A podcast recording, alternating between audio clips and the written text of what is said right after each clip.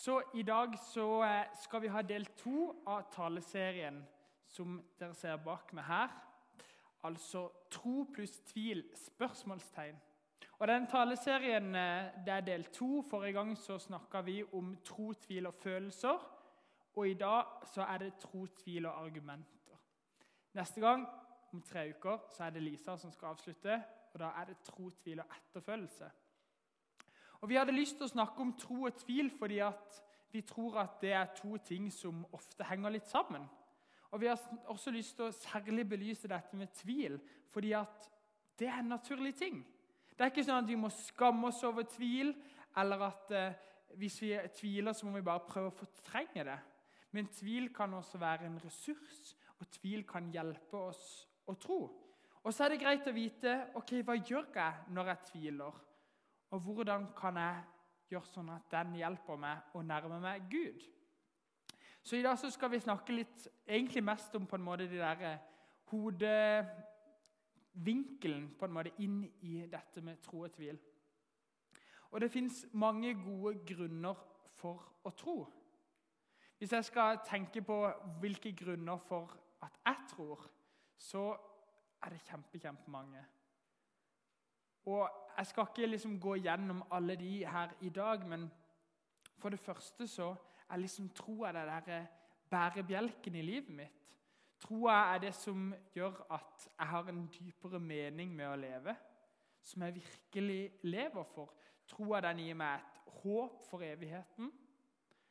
Eh, og så tror jeg, ikke bare fordi at det er fint og fordi at det gir mening, men jeg tror også fordi at det er sant. Og jeg tror at de argumentene for at Jesus levde, for at Jesus døde og sto opp igjen, jeg tror at de er troverdige. Og det er det vi skal snakke om i dag. Det er en som heter William Lane Craig, som er filosof, apologet og historiker. Altså klok mann.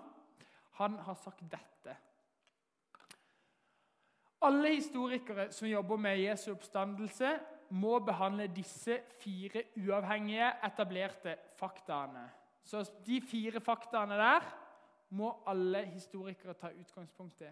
For det første at Jesus ble lagt i en grav, at grava ble funnet tom, at han ble sett etter hans død, at disiplene trodde at han hadde oppstått. Altså, med andre ord, Det er jo egentlig hele kristendommen oppsummert. Og Så sier han videre jeg vil påpeke at disse fire faktaene ikke representerer konklusjonene til konservative forskere. Det betyr at det er ikke bare kristne liksom forskere som tror veldig på Bibelen. Men snarere representerer de majoriteten, altså de fleste, av de nytestamentlige forskernes syn i dag. Så spørsmålet blir da hvordan forholder vi oss til disse faktaene her? Hva gjør vi med dette? Og Vi skal se litt nå gjennom disse fire faktaene her, og hvordan vi kan forklare dem, og hva som er mest sannsynlig. For det første Jesus ble lagt i en grav. Det er jo et viktig premiss for at vi kan si at han sto opp igjen. ikke sant? Hvis han aldri ble lagt i den grava, så hadde det jo ikke vært noe mirakel at den grava var tom, for da var noe det i utgangspunktet. Så det må begynne med at Jesus sitt lik ble lagt i grava. Og Flertallet av verdens forskere tror at Jesu sin kropp ble plassert i en grav. Og Disse bevisene vi har fra på en måte den tida, er både velbegrunna og sannsynlige. Og Hvis du setter det opp med andre historiske fakta fra den samme tida, så er det ikke noe å stille spørsmålstegn ved. Så vi kan for det første si jo, Jesus ble lagt i en grav. Og nummer to det er det at grava ble funnet tom. Fordi at på morgenen den tredje dagen Det hadde gått fra fredag, så hadde det blitt lørdag, så hadde det blitt søndag morgen. Så var Jesus sin kropp ikke lenger i grava. Og Da står du med en grav som var funnet tom. Og det er også et fakta. Så beviser ikke det noe i seg sjøl, men det gjør at vi må tenke ok, hva er mulige forklaringsmodeller for dette. Forskjellige folk har prøvd seg å lage forklaringer. Og Den ene forklaringa for å liksom gå mot at Jesus faktisk hadde stått opp. Det var det at eh, disiplene stjal liket til Jesus. Det kunne jo vært liksom en sånn mulig Ja, De ønska liksom påstå denne her myten om at Jesus hadde stått opp. Derfor så stjal de liket, gjemte det, eh, og så sa de til alle at Jesus hadde stått opp. Men det er noen problemer med den forklaringa der. For det første så var disiplene ikke akkurat de tøffeste guttene i klassen. Vi ser at de dagene eh, før og når Jesus blir korsfesta, så løper de av gårde med halen mellom beina, alle sammen. Noen gjemmer seg, noen fornekter, noen går imot Jesus. Judas går imot Jesus og utleverer han for den han var. Så dette var en, egentlig en gjeng med sånn sett pingler. Og så skulle de liksom komme seg på natta bort til en grav hvor det sto romerske vakter utenfor, som var forsegla med romerske seil som ingen andre kunne åpne. Og Så skulle de liksom, mens disse her vaktene sov, få og å stjele liket til Jesus. Det er for det første lite troverdig. Men la oss si at de hadde klart det. Hvis de hadde klart det, så er det veldig rart at disse elleve disiplene Judas jo, var jo ikke med i gjengen lenger. Men disse elleve disiplene, så er det ti stykker som ender opp med å lide martyrdøden. Altså at de ender opp med å gå i døden for troa si, for at Jesus virkelig hadde stått opp. Og Det er veldig rart å gå i døden for noe som du vet bare er en løgn.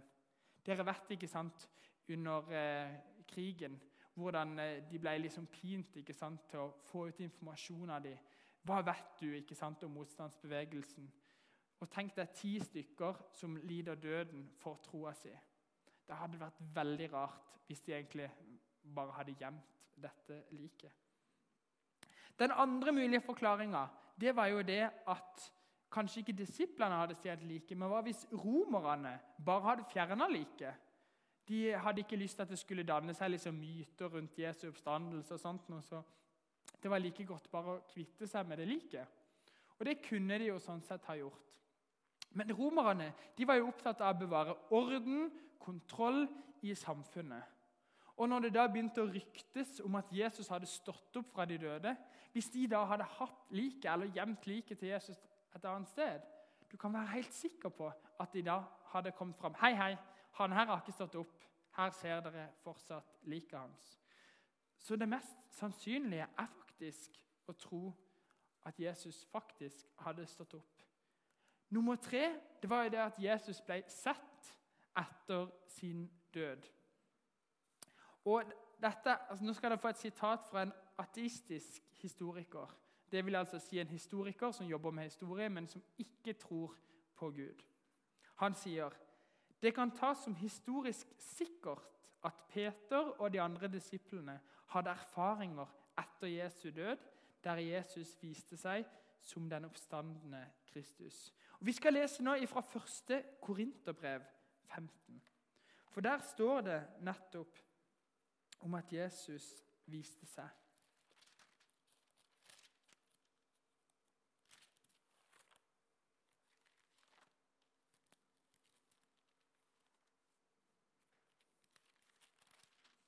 Der står det. For først og fremst Skal vi se For først og fremst overga jeg dere det jeg selv har tatt imot. Kristus døde for våre synder etter Skriftene.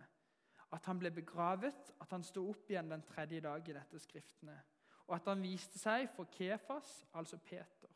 Og deretter for de tolv. Og deretter viste han seg for mer enn 500 søsken på en gang. Av dem lever de fleste ennå, men noen er sovet inn. Dette er det da Paulus som skriver. Og Når han skriver dette, så forklarer han hvem Jesus viste seg for. Han forklarer ikke alle, men han forklarer noen. Og Blant annet så sier han at Jesus viste seg for 500 folk på en gang. Og så er det ikke sånn at Dette ble skrevet lenge etterpå, noe som bare ble funnet opp. Men det han sier, det er det at Og de fleste av disse 500 elever nå, så det er bare å gå og spørre dem. Ikke sant? Det er jo lett å påstå noe liksom Ja, for 200 år siden så skjedde det og det og det. Men du kan jo ikke spørre noen som levde da. Men her kunne man jo bare spørre disse 500. Så dere dette? Erfarte dere dette?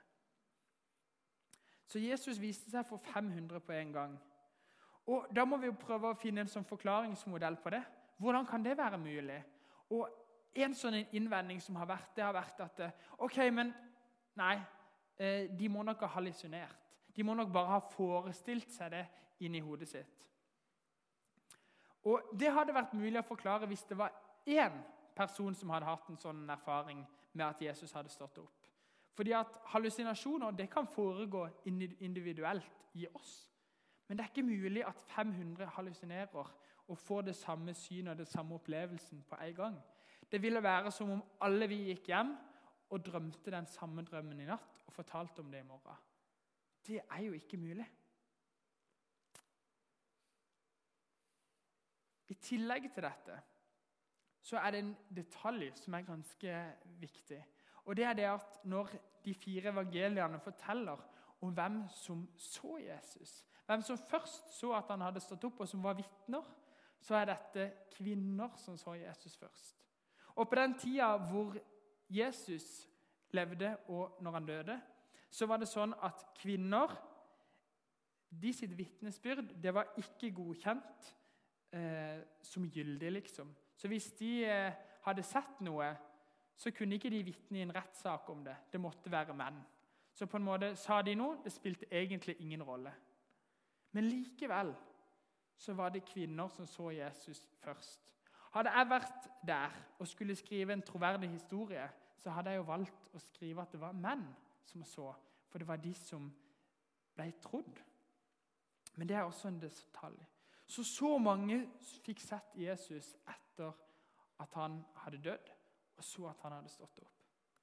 Og Det siste det var at disiplene de trodde jo at Jesus hadde stått opp. Og ikke bare det, de fikk livene sine helt forvandla.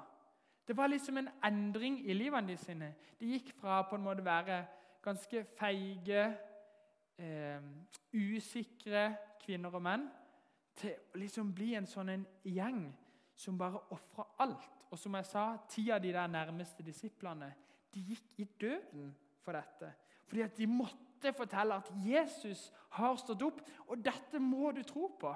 For dette er den ene veien til evig liv. Så de vitner om noe. Og det er ikke noe som de hadde funnet på. Så disse her argumentene, og Det fins drøssevis av mange flere argumenter, men det er gode grunner til å tro. Og Når vi da tviler, så kan vi tenke ok, men hva er mest sannsynlig her? Hva er mest troverdig? Hva sier kildene oss? Og så kan det bli en sånn styrke. Så det kan både styrke troa vår, hjelpe oss, men det betyr jo ikke at vi aldri kommer til å tvile. I denne disippelflokken de elleve som var igjen da, så var det en som het Thomas. Hvis dere har sett The Chosen, så har dere sett bildet av Thomas. Det var jo ikke sånn han egentlig så ut. da, det må Jeg jo si. Jeg tror ikke de hadde noe foto der når han levde. Men dette er Thomas. Og Om Thomas så står det dette. Jeg skal lese det i Johannes kapittel 20, fra vers 24. Thomas, en av de tolv, han som ble kalt tvillingen, var ikke sammen med de andre da Jesus kom. Så når Jesus hadde vist seg for disippelflokken, så var ikke han der. Utrolig kjipt å gå glipp av liksom verdenshistoriens viktigste hendelse. Det er ja, Da skjønner jeg at han kan kjenne på litt FOMO. De sa 'Vi har sett Herren.' Men han sa, 'Dersom jeg ikke får se naglemerkene i hendene hans' 'og får legge fingeren i dem og stikke hånden i siden hans, kan jeg ikke tro.' Fordi at For han var det så viktig å se for å kunne tro. Han måtte ha noen bevis. Hvis ikke, så Nei. Selv om Jesus hadde snakka masse om det, så klarte han bare ikke å tro det. Men så, åtte dager seinere, så var disiplene igjen samla. Og Thomas han var sammen med dem. Og da kom Jesus til dem mens dørene var lukka. Han sto midt iblant dem og sa, 'Fred være med dere.' Så sier han til Thomas Jeg ser for meg at han liksom, Thomas egentlig står liksom litt i en krok eller, og blir litt sånn der Å, shit, nå kom han faktisk. Og han vet jo sikkert hva jeg har sagt, ikke vel? Og du føler, Jeg tipper han kjente på denne skammen og liksom Tenk at jeg ikke kunne tro. Det var jo dette han hadde snakka om i all den tid. Så liksom prøver å liksom gjemme seg bak eh, jeg vet ikke, et eller annet. ikke sant? Men så ser Jesus på Thomas.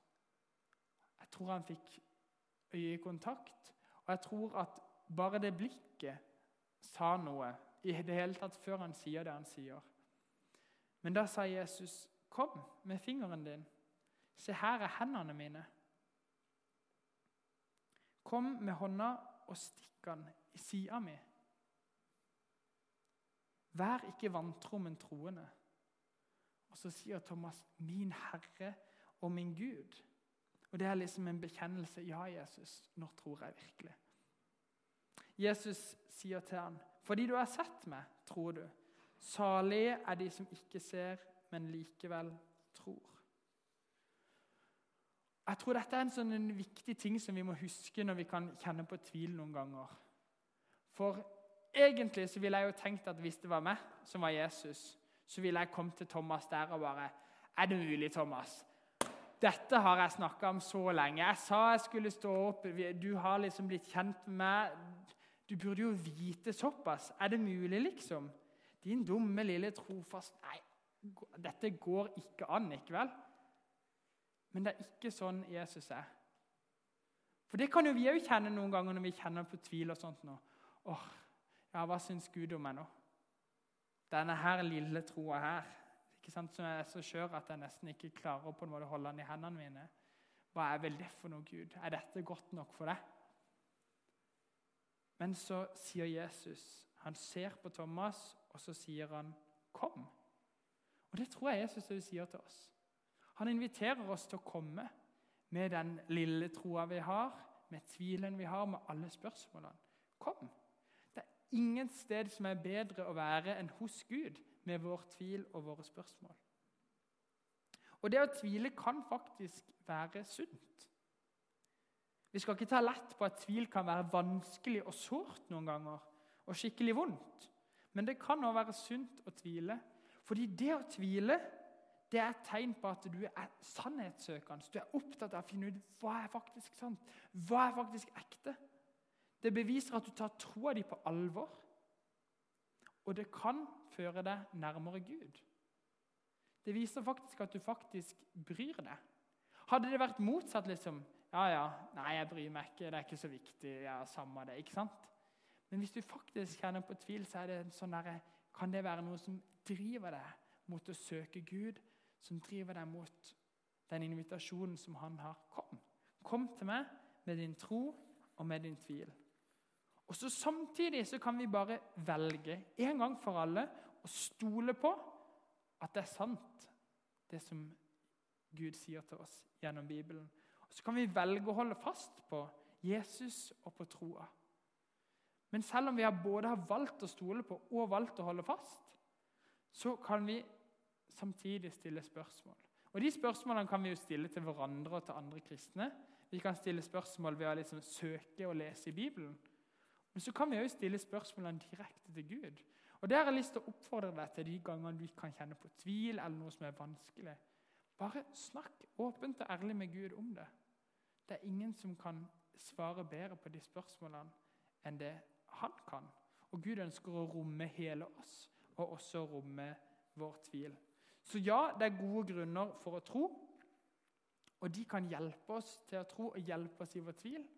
Men det er også helt ok å komme fram for Gud med vår tvil. Vi ber en bønn.